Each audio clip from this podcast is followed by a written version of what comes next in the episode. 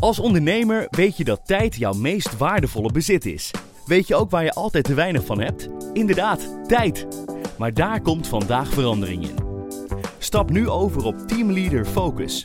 De gebruiksvriendelijke bedrijfssoftware die CRM, facturen, offertes en projectmanagement samenbrengt op één overzichtelijke plek. Zodat jij meer tijd hebt om te doen waar je echt goed in bent. Tijd om te ondernemen. Teamleader. Kijk op focusopjebedrijf.nl. Deze podcast is mede mogelijk gemaakt door Obam Investment Management. Al ruim 85 jaar Nederlandse beleggingshistorie met beleggen in aandelen wereldwijd. Ervaren, actief en met een duurzaam rendement investeren in uw financiële toekomst. Obam Investment Management, de kunst van het kiezen. Kijk op obam.nl voor meer informatie. Je hebt ook een dure opleiding van de staat gekregen, dus nu moet je werk ook kreng. In plaats Dat van op vrijdag naar de yoga te Ja, gaan de hele precies. dag. Ik denk meteen hier stoppen nu. Ja, hier- hier Voordat je stoppen weer de nuance inschiet. Ja, ja. Dit is Kwestie van Centen, een podcast van de Financiële Telegraaf met Martin Visser en Robert Ophorst. Fijn dat je weer terug bent, eh, Robert. Ja, Ja. nee, drie weken, dat voelt eh, nou toch eigenlijk ook weer niet zo heel lang als je helemaal Hm. terug bent. Ja. Eh, Ja. maar, nee. Dus ja, je hebt eh, drie weken fulltime pappadagen gehad. Eh, hoe fijn is dat? Ja, Om, nee, eh, inderdaad. Om wel meteen een bruggetje te maken. Daar ben jij natuurlijk voor, voor de bruggetjes. Maar ja. nee, dat is. ik, ben, ik vind sowieso mijn werk heel leuk. Maar ik ben extra blij om hier terug te zijn. Want na drie weken dag en nacht met een acht maanden oude baby bezig zijn. Is het ook wel weer lekker om gewoon hier. Ja. even bij te komen op de krant. en even bij te komen op de krant. En even met wat andere dingen bezig te zijn. Dus dat. nee, absoluut. Heel goed. Ja, nee, het is een bruggetje, want we gaan het deze kwestie van centen hebben over eh, deeltijd en voltijd werken. Eh, Ja. Nederland heeft de naam een deeltijdkampioen van Europa te zijn. Een, mutsenparadijs voor parttime prinsesjes. Eh, hoe komt dat? Eh, is het erg? En eh, wat valt eraan te doen? Dat eh, gaan we bespreken deze week. Een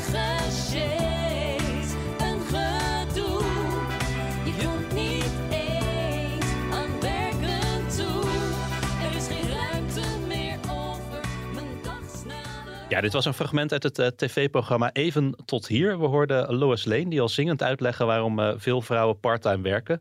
De scholen zijn maar kort open. De man bemoeit zich nauwelijks eh, met de opvoeding van de kinderen. Kortom, een gesjees, een gedoe. Je komt niet eens aan werken toe. Tja. Misschien om even te beginnen met de billen bloot, Martin. Hoe is dat bij jou thuis? Werken Ja. jij en je vrouw fulltime? Mm, ik wel, mijn vrouw niet. Wat, wat klassiek. Ja, heel klassiek. Nee, ik pas helemaal in dat beeld van de, van de anderhalf eh, verdiener. Nee, ik werk vijf dagen, mijn vrouw drieënhalf.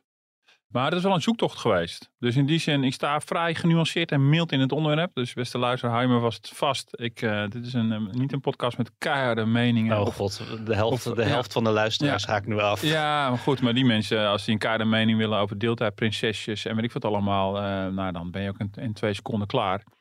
Eh, maar ik ben helaas bang dat de werkelijkheid iets gecompliceerder is dan die makkelijke oordelen. Dat heb ik in ieder geval zelf Ja. ook ervaren bij twee kinderen. Inmiddels eh, eentje de basisschool en eentje op de- in de middelbare school. Want beschrijf die zoektocht eens. Ja, nou, die zoektocht begon ermee dat wij, denk een beetje uit de achtergrond waar wij vandaan kwamen, niet echt duidelijke rolmodellen hadden van hoe je dat kon doen met twee fulltime werkende mensen. Ik kwam uit een eh, christelijk eh, gereformeerde eh, achtergrond, waar traditioneel, het, waar, het- waar het nog veel traditioneler was van oudsher, met veel niet werkende vrouwen. Maar goed, dat, daar heb ik het over een paar decennia geleden alweer Ja. hoor. En we hadden wel voorgenomen van, nou, die manier gaan we het in ieder geval niet doen. We zagen ook al wel wat leeftijdgenoten die het voor ons idee ook al wat klassieker begonnen in te richten dan wij voor ogen hadden. En we dachten, nou, dat gaan we niet op die manier doen. We doen het echt 50-50. Dus op een gegeven moment ben ik 4,5 dag gaan werken en mijn vrouw vier dagen en met de jongste kinderen. Maar ik vond het ongelooflijk aanpoten. Ja, wat, En- wat voor je aanpoten dan? Nou, ik, het is, het is, ehm, de kinderen, bij de kinderen gingen vier dagen naar de opvang. Wat inderdaad in Nederland niet heel gebruikelijk nee, is. dat is best veel. Ja, dat is best veel. Van vooroordelen hebben we ons verder niet zoveel aangetrokken. Het was meer gewoon even je eigen gemoed. Hè. Bedoel, Een, een, een babytje voor het eerst naar de opvang brengen is gewoon een ding, zeg maar. Maar de kinderen vonden het allemaal hartstikke leuk. Dus daar hebben we eigenlijk nooit zo aan getwijfeld. Maar het is, ja, je bent constant natuurlijk bezig eh, met, met regelen wie haalt wanneer. Ja. En het geeft een constante druk. Zeker. En dat was, dat was echt het zoeken. En op een gegeven moment als de kinderen natuurlijk de basisschoolleeftijd zijn, ja, dan willen ze ook op een gegeven moment speelafspraakjes gaan maken en dat soort dingen. En het hele idee van ja, maar hun sociale leven speelt zich dan af op die opvang. Ja, dat, dat klopt op papier misschien wel, maar in werkelijkheid natuurlijk niet. Want je, je contacten doe je op op school. Eh, en dus hebben we daarna ook een hele periode gehad dat, dat mijn vrouw eh, aanzienlijk minder is, eh, is gaan werken. Ja, dat was helemaal niet de manier waarop wij het van tevoren hadden bedacht. Ja, misschien heb ik een beetje toegegeven toch aan die, aan die veel klassiekere rol dan we van tevoren voorgenomen hadden. Maar we zagen dat we er allemaal wel iets gelukkiger van werden. Ja. Was het Eh, voor jullie ook een rekensom van eh, dat jij meer verdiende dan je vrouw en dat zij daarom minder ging werken dan jij? Ehm, nou, dat was, dat, dat was het niet per se. Nee, het was ook gewoon een meer ervaring. Het was ook best wel pittig met eh, allebei ja, nagenoeg voltijd werken. Eh, dat was echt eh, wel uh, fors pittig. En het, liep ook wel een beetje zo met de baan van mijn vrouw. Dat ze op een gegeven moment ook iets anders wilde gaan doen. En voor zichzelf wilde beginnen. En ook een periode nam van even te kijken, wat, wat wil ik nu precies? En het kwam eigenlijk wel goed uit. En daar, daar werden we allemaal wel wat rustiger en gelukkiger van. En de kinderen zelf dus ook. Ja. Met wat ik noem die speelafspraakjes en, en, Ja. en, en dat soort dingen. En denk je, oh ja, misschien moeten we dan toegeven dat er een bepaalde fase in het leven van die kinderen is dat iedereen er blij van is als het thuis ook enige stabiliteit is. En dat, hoeft, dat hadden we ook anders kunnen oplossen met eh, allebei vier dagen werken of allebei drie dagen werken. Maar in ons geval pakt het wel zo uit. Misschien is dat een beetje de rekensom. Ja, dat ik wel eh, nagenoeg fulltime blijven werken en toen ik naar de Telegraaf ging helemaal fulltime ging werken. We hebben onszelf verbaasd, zeg maar. Ja. Eh, en dachten van, oh ja, maar ja, al die verhalen over het kan allemaal makkelijk. En met twee werkende ouders en ook een vrouw en niet zeuren en gewoon gaan. En het ligt aan de kinderopvang.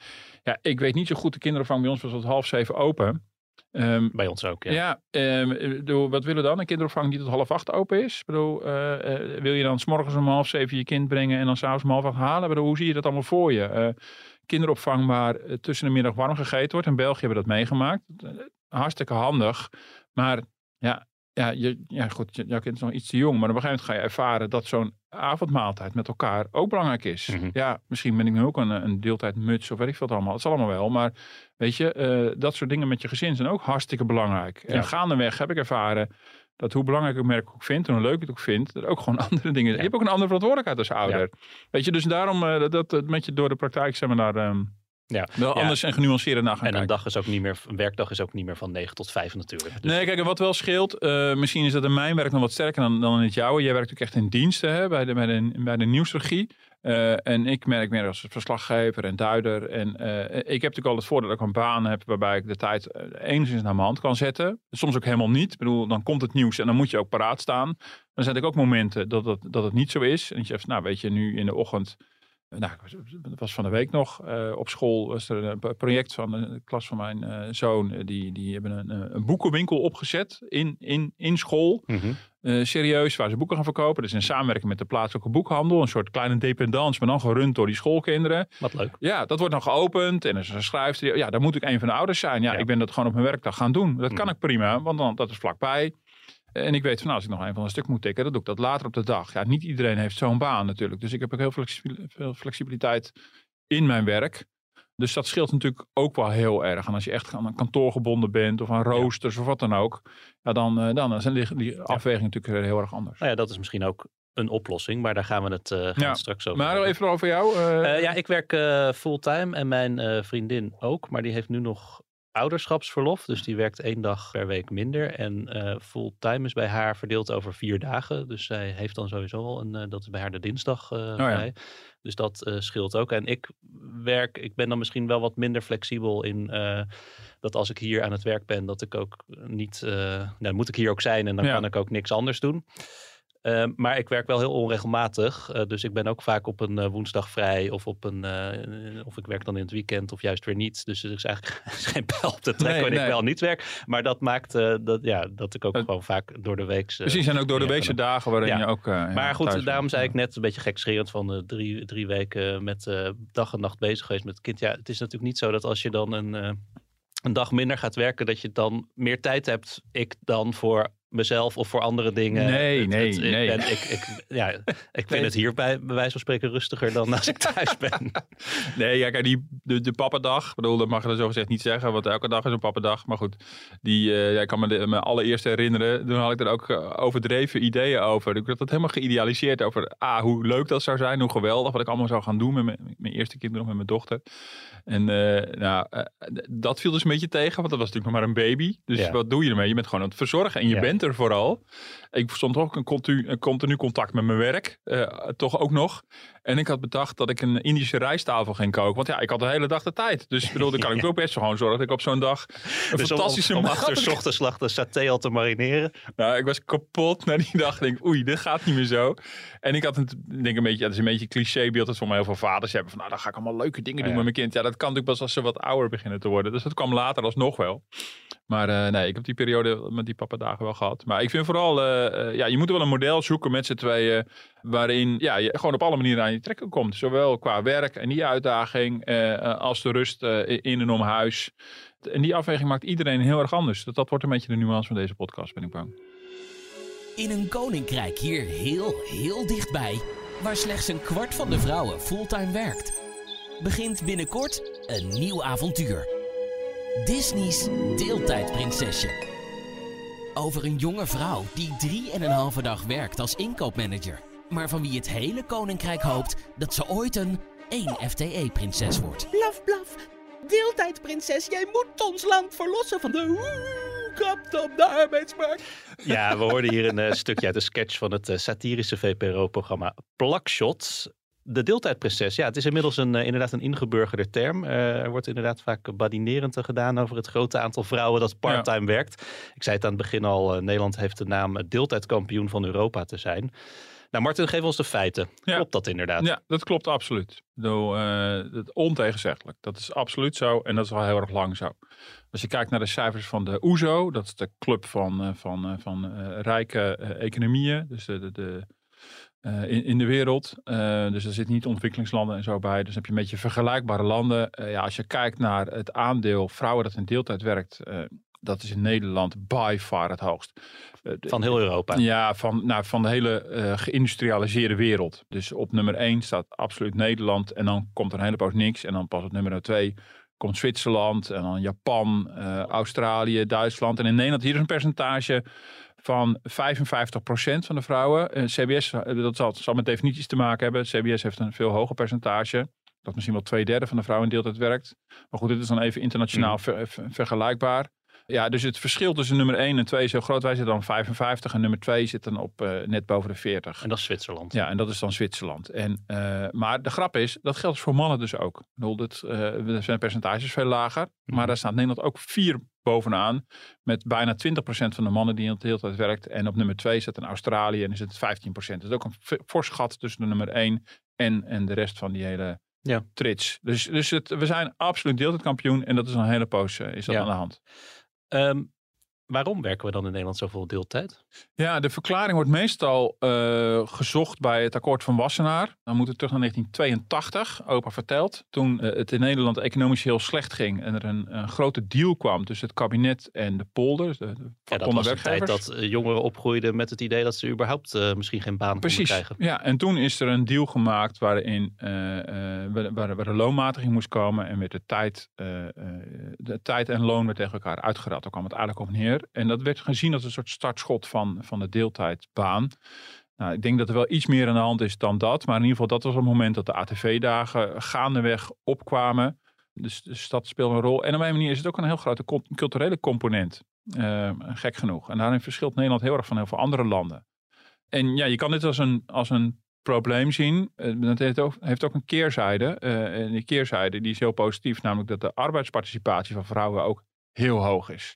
Dus dat is ook een manier om daarnaar te kijken. Ja, Ehm, er werken re- eh, absoluut gezien meer vrouwen dan in Veel andere ja. landen. Alleen ze werken dan ook wat vaker, of veel vaker Ja, part-time, dan in andere Ja, landen. precies. Als ze en, werken. Nou, ik heb een aantal jaar in België gewoond. En daar zag je dat toch ook. Dat eh, in België kijken ze dan een beetje raar aan tegen al die part-time werkende vrouwen. Dat vonden ze toch een beetje apart.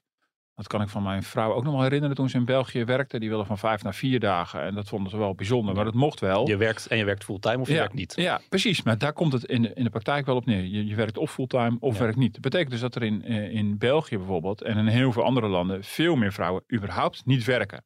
Ja, ik vraag me dan af, welk probleem vind je groter? De parttime baan of het überhaupt niet werken? De arbeidsparticipatie van vrouwen is in Nederland in de afgelopen decennia spectaculair gestegen. Dat is een, echt een heel groot arbeidsmarktsucces. Dat is iets waar alle, alle klagers over de deeltijdprinsesjes en de mutsenparadijs en hoe ze ook allemaal worden genoemd, totaal aan voorbij gaan. Daarom ben ik er ook zo, ook zo op tegen van die hele absolute term hierover te praten. Omdat ze dat gewoon totaal vergeten zijn eh, dat dat het geval is. Dus in die zin is er een groot succes eh, op de Nederlandse arbeidsmarkt van met name de, de deelname van vrouwen. En is de werkgelegenheid in Nederland natuurlijk sowieso heel erg hoog. En ook eh, nou, de, de arbeidsparticipatie van Nederland is niet de grootste in de wereld, maar we staan echt, ik geloof, in de top drie of zo. Mhm, Ja.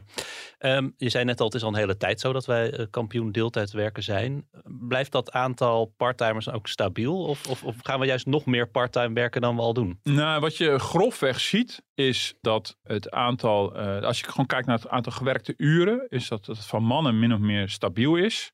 Eh, en van vrouwen heel voorzichtig aan toeneemt, maar heel, heel beperkt. Dus dan, dan kijk ik niet per se naar het percentage parttimers, maar meer van hoeveel uren werken we nu eigenlijk eh, met elkaar. En eh, dat is wel het, het, het grove beeld. Dus Ja. dat heel voorzichtig aan nieuwe generaties vrouwen iets meer per week aan het werken zijn. Maar dat het voor mannen niet heel erg verandert. Nou ja, je kan op allerlei manieren tegenaan kijken. Als je, als je vooral druk maakt over worden de taken thuis wel eerlijk verdeeld.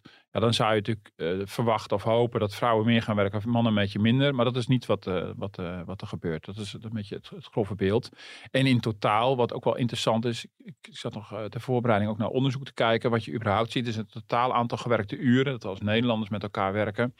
Gemiddeld per werkende. Dat neemt überhaupt al af in de loop van de jaren. Sinds het akkoord van Wassenaar is niet alleen de parttime job opgekomen. Maar überhaupt ook de ATV-dag. Dus de werkduur is verkort van 40 naar 38 of 36. En dan zie je ook wel grote verschillen tussen landen. Belangrijk om daar te eh, op te merken. We hebben niet alleen het arbeidsmarktsucces van de vrouwen. Maar de andere kant is, we zijn ook gewoon super welvarend. We kunnen ons dit veroorloven. Ja. En dat vond ik wel, ik zag een heel interessante grafiek ook. Waarin je heel duidelijk ziet dat er een relatie is tussen het, eh, het aantal uren dat een werknemer gemiddeld werkt en de welvaart van een land. Uitgedrukt in BBP per hoofd van de bevolking. Dus hoeveel eh, welvaart hebben we per Nederlander. En als je dat internationaal vergelijkt, zie je dus eh, dat naarmate de welvaart van een land toeneemt, het aantal gewerkte uren afneemt. Mhm. Maar dat betekent dus dat we met minder uren met elkaar meer weten Ja. te verdienen en te produceren. We Nou, dat is werken een- ons niet rijk. nou ja, we worden rijker door minder te werken. Zo kan je het ook zien. Bedoel, per Nederlander. Mhm. Dus in die zin ja, kunnen we ons dit veroorloven. En is het ook een teken van wel, welvaart. Ja, dat, dat, we dit, dat we dit met z'n allen zijn gaan Ja. doen. Eh, dat zegt nog niets over de persoonlijke privé eh, afwegingen. Dit gaat echt om, dit is allemaal macro voor een heel land. Ik vond het een heel, heel interessant beeld eh, eh, om te zien. In Nederland eh, ja, steekt daar gewoon heel gunstig bij uit. Met relatief weinig gewerkte uren in totaal per, per werkende. Maar een hoge welvaart Ja. per hoofd van de bevolking. Ja, want ik zag iets voorbij komen dat bijvoorbeeld in Roemenië, als je daar mensen die fulltime werken, die vaak dan niet eens rond kunnen komen. Ja, dat is natuurlijk totaal anders. Nee, precies. Dus dat is wel ook een, dat vind ik ook weer een hele belangrijke nuance. Kijk, in Nederland, ik, zit nog even, ik heb het even weer erbij gezocht. Bijvoorbeeld in Amerika, nou, dat is meteen wat extreme eh, andere voorbeeld. In Amerika is de welvaart per hoofd van de bevolking wel echt ietsje hoger dan in Nederland. Maar er wordt echt heel veel meer, uren- meer uren voor gewerkt. Dat is een beetje de afweging die je maakt. Wij zitten een beetje op hetzelfde niveau als Duitsland. Duitsland heeft een iets lagere, eh, eh, iets lagere BBP per hoofd van de bevolking. En werkt ook eh, ietsje, ietsje minder ook totaal. Dat is ook interessant. Eh, Oh. Dus bij ons heb je heel veel part-time werk. Mhm. Maar dat is niet het enige waar je moet kijken. Je moet ook gewoon kijken van hoe ziet zo'n werkweek eruit. Ik zag de Eh, Duitsers toch altijd als een soort eh, ja, nog, nog harder werkende. Nee, zeker. Maar dat, is, maar, nee, zeker. Maar dat hoeft dus, bedoel, dat maakt ook heel erg uit wat je standaard Mhm. eh, eh, werkweek eh, is. Nou, dat is in, in Nederland springt daar heel gunstig uit. En ja, weet je, dan kunnen we wel zeggen van nou, we willen, we vinden dat we allemaal veel meer moeten gaan werken. Nou, dan, ik vond een interessante Hongkong heeft ongeveer vergelijkbare welvaart per hoofd van de bevolking. Maar werkt daarvoor dus echt heel veel uren meer. Wij zitten op de, wat is het, eh, boven de 1400 uur per persoon. eh, eh, en daar zitten ze op de 2200. Ik bedoel, Hmm. dat zijn gigantisch. Ja. Dan moet je dus heel veel harder werken voor dezelfde welvaart. Nou, ik denk dat we het dan wel goed geregeld hebben in Nederland. Dus daar is, een, daar is ook een... Daar is dus ook een relatie tussen. Ja. Dus, dus, we- dus we zijn rijk en daarom kunnen we ons dit ook macro gezien veroorloven. Wat, is de, wat zijn de persoonlijke redenen voor mensen om parttime te gaan werken? Wat is daarover bekend? Nou ja, ehm, eh, die zijn heel uiteenlopend. Het heeft, eh, het heeft eh, met name met, met, met arbeid en zorg te maken. Dus die, die, die balans, daarom wordt het ook wel eens balanstrutjes genoemd. Hebben we weer zo eentje van Elske Doets. Ook een lekker oordeel. Dat- maar mensen de- zoeken de- natuurlijk een, een balans. Za- Zakenvrouw van het jaar van ja jaar want ja, ik. zij doet het zelf wel anders en dat is allemaal prima gegaan. En N is één. En dan, en dan kan je er hele brede uitspraken over doen. Eh, Mhm. hele contingente vrouwen eh, afgeserveerd. Maar eh, ja, mensen zoeken op waar we mee begonnen. Van ja, hoe doe ik dat op een prettige manier? Hoe Ja. verdeel ik de taken thuis? En het kan zijn zorg voor de kinderen, maar het kan ook zijn zorg voor ouders of iets dergelijks. Dus dat is een afweging. Een afweging eh, eh, is ook, wat voor soort werk doe ik überhaupt? Ik bedoel, wat je ziet dat heel veel vrouwen in, in deeltijd gaan werken al voordat de kinderen er zijn. En dat Ja. heeft onder andere een relatie. Dat kan de deeltijdprinsesje zijn. Nou, eh, ik zou zeggen, nou, eh, als je dat allemaal zo geregeld hebt eh, en je kunt je permitteren, prima. Maar dat is soms ook de aard van het werk. Heel veel vrouwen zijn oververtegenwoordigd in beroep in de zorg en het onderwijs, waar soms ook de roosters je min of meer dwingen tot een parttime baan. Bijvoorbeeld in de thuiszorg, waar je bij mensen langs moet in de ochtenduren, in, in, eh, in de avonduren. En dat is het dan.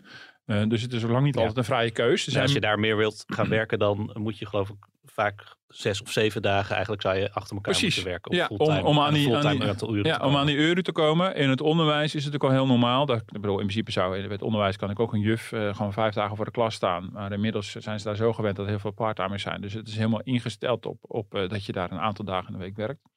Dus dat is ook een reden. Fiscaal kan een belangrijke reden zijn dat het, dat het onvoldoende loont. Dus dat kan natuurlijk ook een, een, een reden zijn. Ja, en verder is het ook gewoon een afweging. Ik, ik heb daar ook wel generatieverschillen gezien. Ook gewoon op een heel korte termijn.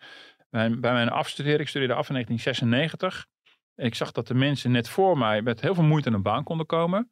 Ik kwam toen vrij makkelijk aan een baan. De arbeidsmarkt was echt al weer wat verbeterd. En de mensen die na mij in 97, 98 gingen afstuderen, die hadden echt in de kop van, oh, een baan vind ik zo. Dus dat was een- echt een omslag in het denken. En ik zag daar ook gewoon allerlei mensen op mijn studentenvereniging, ook, ook jongens, die zeiden van, nou, ik vind vier dagen in de week eigenlijk wel genoeg.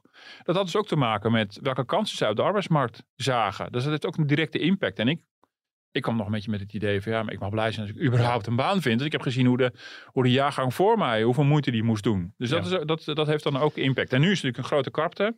Werk is er genoeg.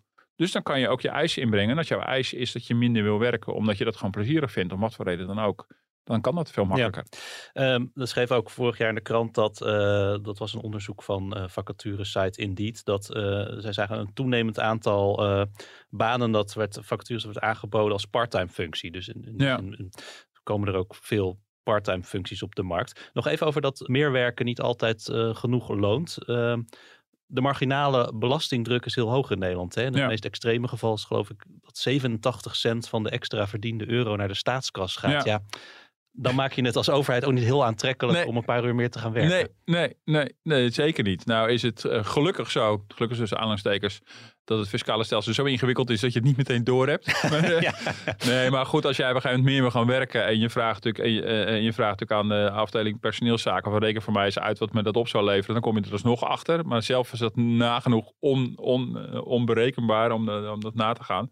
Maar inderdaad, het hangt heel erg van je inkomen af. Dat zat vooral bij de lagere middeninkomens. Dat is nu een beetje ook door allerlei kabinetsmaatregelen ook een beetje opgeschoven naar allerlei middeninkomens. Voor mensen die echt extreme belastingdruk hebben over hun laatst verdiende extra euro. Ja, dat helpt natuurlijk ook allemaal niet. Ja, er vallen dan toeslagen weg. Eh, er, zijn belastingkortingen die dan eh, lager uitpakken. Dus ehm, ja, dat heeft ook alles te maken met dat wij eh, om politieke redenen natuurlijk een nivellerend belastingssysteem hebben. Nou, eh, naarmate je meer verdient, moet je in verhouding ook meer belasting betalen. Maar dat betekent dus ook dat je ook minder overhoudt van die extra euro. En dat kan soms heel raar uitpakken. En dat is natuurlijk ook absoluut geen, Ja. geen stimulans. En daarbij, kinderopvang is heel erg duur. Dus voor de meeste mensen, eh, voor een heel groot deel van de mensen, hebben die ook een toeslag nodig om dat te kunnen betalen. Ja, en als die kinderopvangkosten dan weer stijgen en je toeslag stijgt dan niet navenant mee eh, eh, als jij een dag meer gaat werken, ja, dan nodigt dat totaal niet uit natuurlijk. Nee. En je zei net ook van, eh, het, het, het kan gewoon vaak. Hè? Je, je komt uit financieel eh, Ja. door, door minder te werken dan fulltime.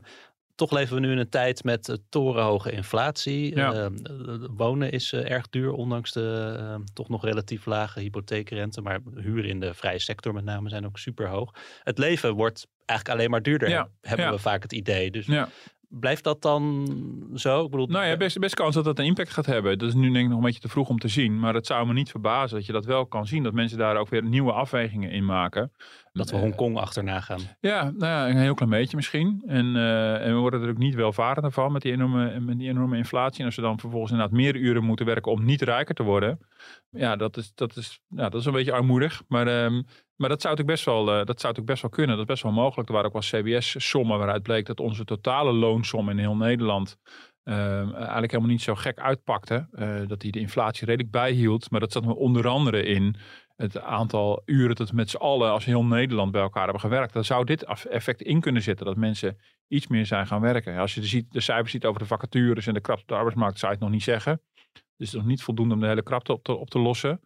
Maar het zou best wel mogelijk zijn dat mensen om die reden deze stap maken. Als het fiscaal ook enigszins loont natuurlijk. Ik eh, werkte vorig jaar 16 uur. Toen heb ik in een, eh, een jaargesprek met een leidinggevende heeft gevraagd of ik meer wilde werken of ik daarvoor open stond. Ik ben daarover na gaan denken. Ik heb een gesprek gehad met mijn man, we hebben het erover gehad. Ehm, en als dat zou bevallen, zou ik nog meer kunnen gaan werken. En als het wat minder zou bevallen, dat ik het niet goed met mijn thuissituatie kon eh, nou ja, combineren, eh, dan zou ik minder kunnen gaan werken weer. Wat een vreselijk weeg piano eh, muziek. Ja, dit was een spotje uit de overheidscampagne. U verwacht het niet. Wil je meer werken? Laat het merken. Ja. Met eh, die leus probeert minister van Gennep van Sociale Zaken vrouwen die parttime werken aan te sporen om eh, meer uren te maken.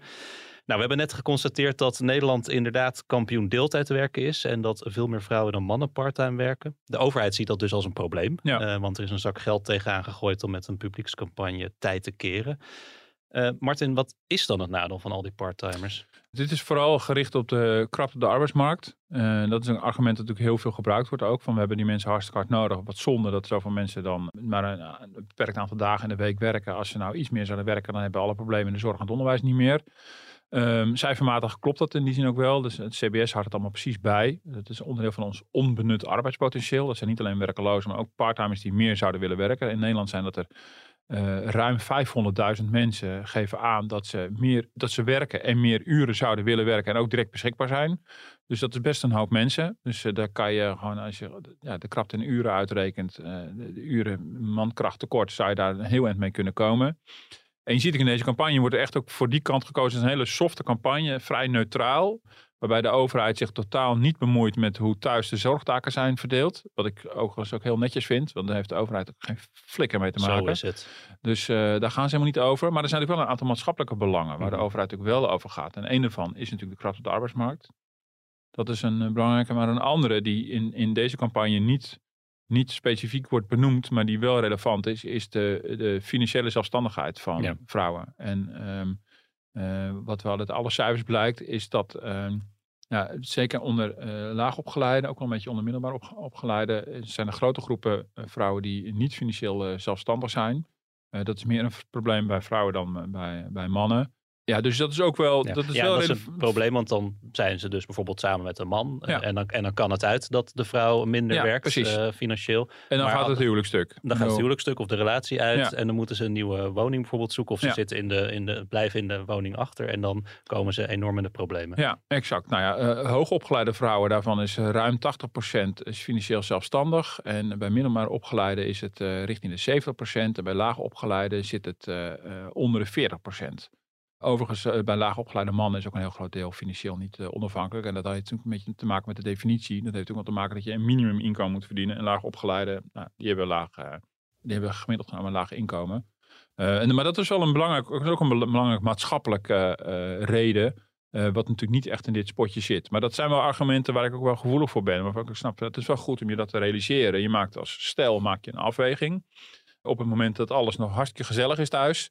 Maar dat kan ook anders lopen. En dan, bedoel, als je dus helemaal niet werkt of heel weinig werkt. En op die manier ook niet investeert in je werkervaring.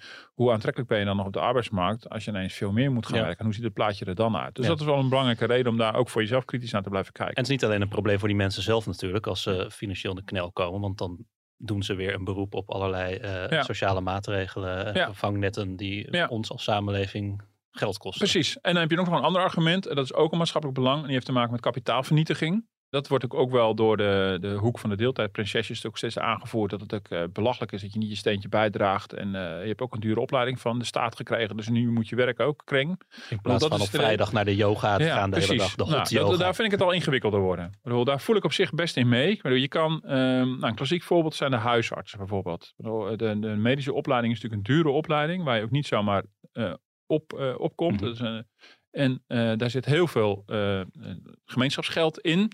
Ja, en het klassieke beeld van de mannelijke huisarts die, die, die vijf dagen of meer in de week werkte, is totaal veranderd. Vooral huisarts is echt een, in toenemende mate ook heel erg een vrouwenberoep geworden en aan het worden. Waarbij natuurlijk heel veel huisartsen in deeltijd werken. Ja, dan zou je kunnen zeggen, ja, die opleiding is nog net even duur, maar er wordt veel minder rendement uitgehaald aan die, uit die net zo dure opleiding. Dat is ook een vorm van kapitaalvernietiging. Eh, net zo goed als je een hele dure Ja. opleiding doet en vervolgens iets totaal anders gaat doen. Maar toch wordt hij wel wat ingewikkelder daar. Want ik denk ook dat je, dat je dit onderwijsstuk aanbiedt als een soort basisvoorziening voor iedereen. Dat is voor iedereen toegankelijk. En je wil mensen ook weer vrijlaten wat je daarmee doet. Kijk, ik kan me voorstellen, eh, je zou ook tegen mij kunnen zeggen, waarom heb je economie gestudeerd en volgens journalistiek te gaan doen? Dat is ook een beetje zonde van je talent. Ik bedoel, het is maar net even hoe je de verschillende beroepen Mhm. natuurlijk waardeert. Ja, je had ook, eh, weet ik wat, eh, topmanager in een groot bedrijf kunnen worden. Ja, Bij wijze van spreken. U, u werkt dan wel fulltime, meneer Visser, Ja. maar u eh, had eigenlijk meer kunnen verdienen, Ja. meer kunnen bijdragen aan de schatkist. Precies, was nou echt nodig geweest? Ik heb zes jaar gestudeerd, ook nog eens een keer. Om hier een armlastige journalist uit te hangen bij de Nee. Telegraaf. Nou, bij wijze van spreken. Ik bedoel, dus dat wordt al heel ingewikkeld. Ik bedoel, en wat doe je met mensen die inderdaad een prachtige opleiding hebben, maar later ontdekken dat hun, hun talent en hun gaven heel ergens anders liggen. Ja, dat wordt. al- Ja. Maar dat is, ik bedoel, ik begrijp het argument wel hoor. En dat is natuurlijk wel, re- recente CBS-cijfers liet opnieuw inderdaad ook weer zien dat. eh, ik noem het al heel even, dat heel veel vrouwen eh, in deeltijd gaan werken direct na een opleiding. Dat, ja, dat blijft, blijft toch opmerkelijk. Ja. Dus ruim voor de kinderen zijn. En dat geldt dus ook voor hoogopgeleide vrouwen. Ja. Dus ik zit even te kijken. De mensen met een wetenschappelijke opleiding, eh, vrouwen daarvan, die gaan meteen het eerste jaar, eh, bijna 20% gaat parttime werken. Na, na het bereiken van, na het behalen van een pul. Ja. Ja. daar is natuurlijk heel veel gemeenschapsgeld in gestoken. Bij mannen is dat aanzienlijk lager, is het nog geen 10%. Dat is, ja, dat is, dat is het culturele ding. Dus, dus de, ehm, er wordt al voorgesorteerd op het komen van kinderen misschien. Nee, maar er zijn dus ook andere redenen om dat eh, te doen. Ja. En, maar ja, als overheid om je hiermee te bemoeien, dat je dan, dan krijg je onderwijs en dan word je verplicht om daar maatschappelijk rendement uit te halen. Dat wordt al wat ingewikkeld. Ehm, nou kwam het Sociaal Cultureel Planbureau vorig jaar met een rapport getiteld Eens deeltijd, altijd deeltijd. Ja. Eh, en het SCP zegt van ja, het gaat altijd over, eh, dus waarin ze con- constateren dat eh, die vrouwen waar we het net over hadden, die dus al meteen na een studie in deeltijd gaan werken, ja, die blijven eigenlijk deeltijd Ja. werken hun hele, hele arbeidsleven. Het SCP zegt, het, het, het, het gaat altijd over moeders met kleine kinderen, maar meer dan de helft van de vrouwen die in deeltijd werken, hebben helemaal geen jonge kinderen meer. Nee. En daar ligt een enorm arbeidspotentieel dat relatief makkelijk aan te boren is. Ja. En ook die moeders zeggen zelf van ja, ik ben ook eigenlijk minder druk met kinderen nu. Dus Ja. volgens de onderzoekers zouden werkgevers morgen al kunnen beginnen om het gesprek aan te gaan eh, met hun deeltijd werkende oudere vrouwen. Ja. Ehm, we lieten net een stukje uit die overheidscampagne horen. Dat is heel erg gericht op eh, werknemers zelf. Van, Ja. goh, wil je meer werk, maak dat kenbaar en, eh, en, en misschien kan dat wel. Of vaak kan dat ook wel. Ja. SCP, SCP zegt eigenlijk, je moet meer aan de kant van de werkgevers gaan Ja. zitten. Die moeten het anders inrichten. Ja, nee, dat, is, dat is wel een punt. Dus ik denk dat die campagne beide kanten op moet. Ik bedoel, het, het, het is zowel, kijk, hier spreken natuurlijk vrouwen aan die, die eh, van zichzelf denken van, nou, ik zou op zich wel meer kunnen werken, maar wil ik dat eigenlijk wel? Eh, maar dat moet ook inderdaad wel mogelijk zijn. Die klachten is natuurlijk ook, Ja. als je het hebt over de thuiszorg. Maar ja, daar hadden we het net over. ja, dat toch wel, ik weet ook niet zo goed hoe je dat precies moet, eh, moet oplossen. Maar het wordt toch wel, wel, het wordt natuurlijk wel een, een lastige dat je, dat je mensen ook gewoon in een parttime baan gevangen houdt. En die verhalen hoor je natuurlijk over gezondheidszorg in den brede. Ook misschien wel in delen van de gezondheidszorg waar het niet per se nodig zou zijn. En het onderwijs wordt ook vaak aangevoerd van ja, eh, ja dat wordt nu helemaal veel in parttime gewerkt. Dus ja, dan gaan die vrouwen maar in parttime werken. Maar dat is natuurlijk geen wet van mede en Nee. persen. Het was wel grappig, want ik eh, vroeg vanochtend even aan mijn vriendin... eh, wanneer eh, houdt jouw ouderschapsverlof nou op? Nou, dat is komend najaar. En zij zei van ja, op mijn werk eh, gaat bijna iedereen die dag uiteindelijk minder werken. Zij is echt een uitzondering dat ze weer terug naar voltijd gaat. Oh ja. Dus eh, Ja. al, al haar vrouwelijke, of me- merendeel van haar vrouwelijke collega's die ook ouderschapsverlof heeft en een dag minder is gewerkt, dat blijft zo. Ja. Het idee is dat collega's uiteindelijk weer fulltime gaan werken als de kinderen wat groter zijn. Maar zij zegt, eh, vervolgens gaat niemand terug naar voltijd. Ook al Nee. zitten de kinderen inmiddels Nee. op de basis- of middelbare school. Nou, dat is eigenlijk bijna letterlijk wat het eh, SCP vorig jaar in het rapport eh, constateerde. En misschien is het ook wel zo dat het gewoon heel erg lekker is. Heb je daar wel eens over nagedacht? Dat soort gedachten komen niet meer op. Die, die, dat soort gedachten. nee, natuurlijk. ja. je hebt nooit een weekend. Maar dat is toch waarom er zo'n stigma over Ja, eh, maar je hebt nooit zo'n weekend dat je op zondagavond denkt: Tuurlijk. Oh, wat zou het heerlijk zijn als ik maandag ook nog vrij was. Dan ging ik dit doen, ging ik dat doen. Ik kan enorm goed luieren. En als je dat kan permitteren financieel. Bedoel, Mhm. laten we dat ook niet vergeten. hè. Bedoel, ehm, dus dat, dat zou natuurlijk best wel kunnen. En Ja. natuurlijk is het ook prima om te zeggen: Nou, er zijn een aantal maatschappelijke belangen om te kijken of we parttimers die dit zouden willen en zouden kunnen, kunnen verleiden om meer te gaan werken. Misschien moet de overheid dan ook een campagne eh, voeren richting zichzelf. En misschien het, ons belastingstelsel een beetje aanpassen. Het ook wat aantrekkelijker maken. Nou, nu komt er dan een voltijdsbonus. Maar ik denk dat je natuurlijk mensen maar vooral moet verleiden om van drie dagen naar vier dagen bijvoorbeeld te gaan. Dus daar helpt die voltijdsbonus natuurlijk helemaal geen zak mee. Maar ehm, ja, maar ik denk dat heel veel, eh, heel veel mensen het ook gewoon heel prettig vinden. Ja, en is dat luieren? Is dat, zijn, ben je dan een prinsesje of ben je dan een prinsje of weet ik veel allemaal. Ja, dat zijn mensen die ook denken van ja, ik vind mijn werk heel belangrijk, maar ik vind een aantal andere dingen ook heel belangrijk. En ik ben zo welvarend als, als stel, als huishouden, dat we ons dit kunnen veroorloven. En eh, ja, dat, ja, goed, ik vind dat verder, heb ik daar verder ook helemaal geen oordeel over. Alleen ja, er zijn een aantal maatschappelijke en macro-economische belangen. En die zou je kunnen dienen. Overigens, wat echt nog echt niet onvermeld moet blijven, is. Eh, het is ook niet zo dat die krapte op de arbeidsmarkt een soort statisch gegeven is. Van die mensen hebben we per se nodig, anders stort ons land in. Nee, de campagne richting de werkgevers zou ook kunnen zijn. Van, ja, maar eh, A, beloon mensen beter. Nou, dat begint nu vanwege de inflatie. Gaat het al een beetje de goede kant op. Dus ook, het is ook uiteindelijk een markt met vraag en aanbod. En blijkbaar ben je toch niet aantrekkelijk genoeg. En als het op die manier niet lukt om voldoende mensen eh, in dienst te nemen, ga dan maar investeren eh, in andere manieren om de productiviteit van je bedrijf te verhogen. Bedoel, dat is ook een langslepend probleem in Ja. Nederland, in Europa. Dat de productiviteit van heel veel eh, organisaties een beetje blijft hangen. Dus als we mensen maar die arbeidsmarkt op blijven duwen, eh, terwijl er al ongelooflijk veel mensen in Nederland werken, we hebben nagenoeg volledige werkgelegenheid. Misschien wordt het dan nog eens een keer tijd dat bedrijven gewoon wat innovatiever gaan worden en gaan nadenken Ja. over een andere manier. Dat draagt ook weer bij aan onze In welvaart. plaats van dat er dan weer gesproken wordt uit eh, mensen uit andere landen hierheen halen. Exact. Ja, nou dat al helemaal niet. Ik bedoel, eh, la- laten we dat maar als echt allerlaatste oplossing bedenken. En dat is ook wel het lastige. Wordt inderdaad wel de hele tijd naar de, naar de werknemer gekeken. In dit geval naar de parttime werkende vrouw. Terwijl ik denk, ja, er zijn ook allerlei andere manieren om op een, eh, ja, op een slimme wijze je productieprocessen te veranderen. En om veel productiever te worden. En daar zit ook heel veel winst te behalen. Want nu bekijk je het alsof het een soort statische koek is die je met elkaar hebt. Ja, en die, die laatste paar mensen die moeten nog meer gaan werken. Ik denk, ja, we werken ons al helemaal in Nederland. eh, eh, ik we werken al hartstikke veel. En, en van de overheid wordt ook verwacht dat we inderdaad de zorg voor kinderen, de mantelzorg, dus die zogenaamde participatiesamenleving. Ja, dus ehm, nee, ik zou me heel erg beperken tot de financiële onafhankelijkheid van vrouwen. Dat vind ik echt een heel belangrijk eh, argument in deze. De krappe arbeidsmarkt is misschien een soort van macro-argument. Ja, en verder moeten mensen vooral in staat worden gesteld met betaalbare kinderopvang en een aanmoedigend fiscaal stelsel. En dan vervolgens is het aan de mensen zelf om het dan niet te doen. En is het ook een beetje de markt die dat doet. En als bedrijven het gewoon vertikken om mensen fatsoenlijk in te roosteren en fatsoenlijk te betalen, nou dan komen ze toch niet.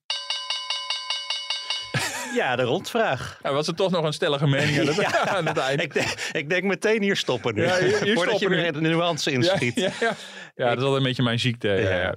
Ik eh, ben een enorme liefhebber van eh, tweedehands boekenwinkels, boekenmarkten, antiquariaten. En ik heb nu uh, afgelopen drie weken toen ik vrij was, uh, de hemel op aarde ontdekt. Uh, even buiten Maastricht, Ja. een on, uh, onopvallend industrieterrein.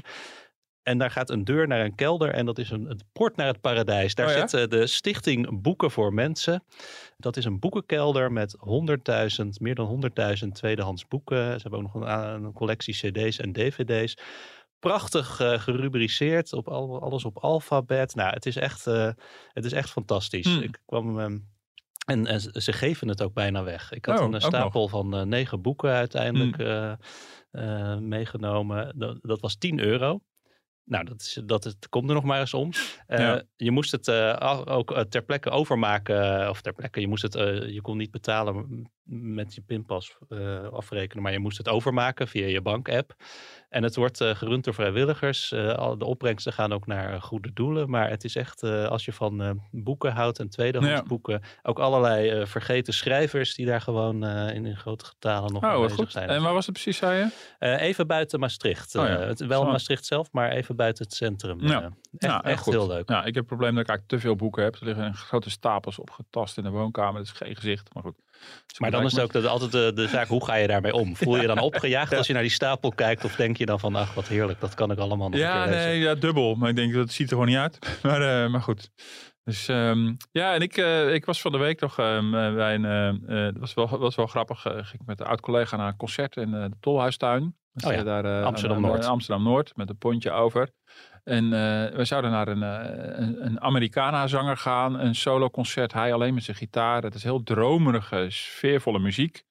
En we kwamen, ja, onze kaartjes gecontroleerd. En eh, nou, we lopen zo die zaal in. en ik, kijk eh, die collega zo aan. En ik denk, voor mij klopt er iets. Is dit het voorprogramma? Er stond daar een, een van de man uitgedost als een soort hoge priester. En, en iemand achter de toetsen en op de drums. Die had een soort eh, alien masker op. Ik denk, wat is dit? Ik wist dat er een voorprogramma was en dat wilden we laten zitten. Ik zei, weet je, dit klopt niet hoor. En nou, nou hij zat nou, dat is toch- grappig. Het klonk nou, best wel aardig. Maar goed, we waren dus een totaal verkeerd voorprogramma terecht is gekomen. En eh, daar moest je wel steeds dan, eh, vervolgens was het één zaaltje verderop, waar het heel rustig was. Dus we zaten echt weer in mijn concert voor, voor die paar liefhebbers. Waar het inderdaad heel sfeervol en dromerig. eh, de gemiddelde leeftijd was daar ook iets hoger. en, eh, maar goed, en af en toe vervolgens moet je wel je, je drankjes eens halen bij die Space Rockers. Dat bleek dus een Oh ja. Space Rock band te zijn. Oh. Nou, ik weet, het was echt een, een cultuurclash. Twee totaal verschillende concerten. Echt op een paar meter van elkaar geprogrammeerd. Maar goed, Het was een, een wonderlijke ervaring daar. Ja, de mooi. Tolhuistuin. Ehm, we slaan volgende week een weekje over, Ja, toch? het is mijn vakantie. eh, jij hebt een weekje vrij, dus over twee weken zijn we er weer. Ga je nog wat leuks doen? Ja, zeker. Ja, we gaan, eh, we gaan eh, een weekje op vakantie. Dus daar kijk ik naar zin uit. Mooi, tot over twee weken. Bedankt. Tot volgende keer.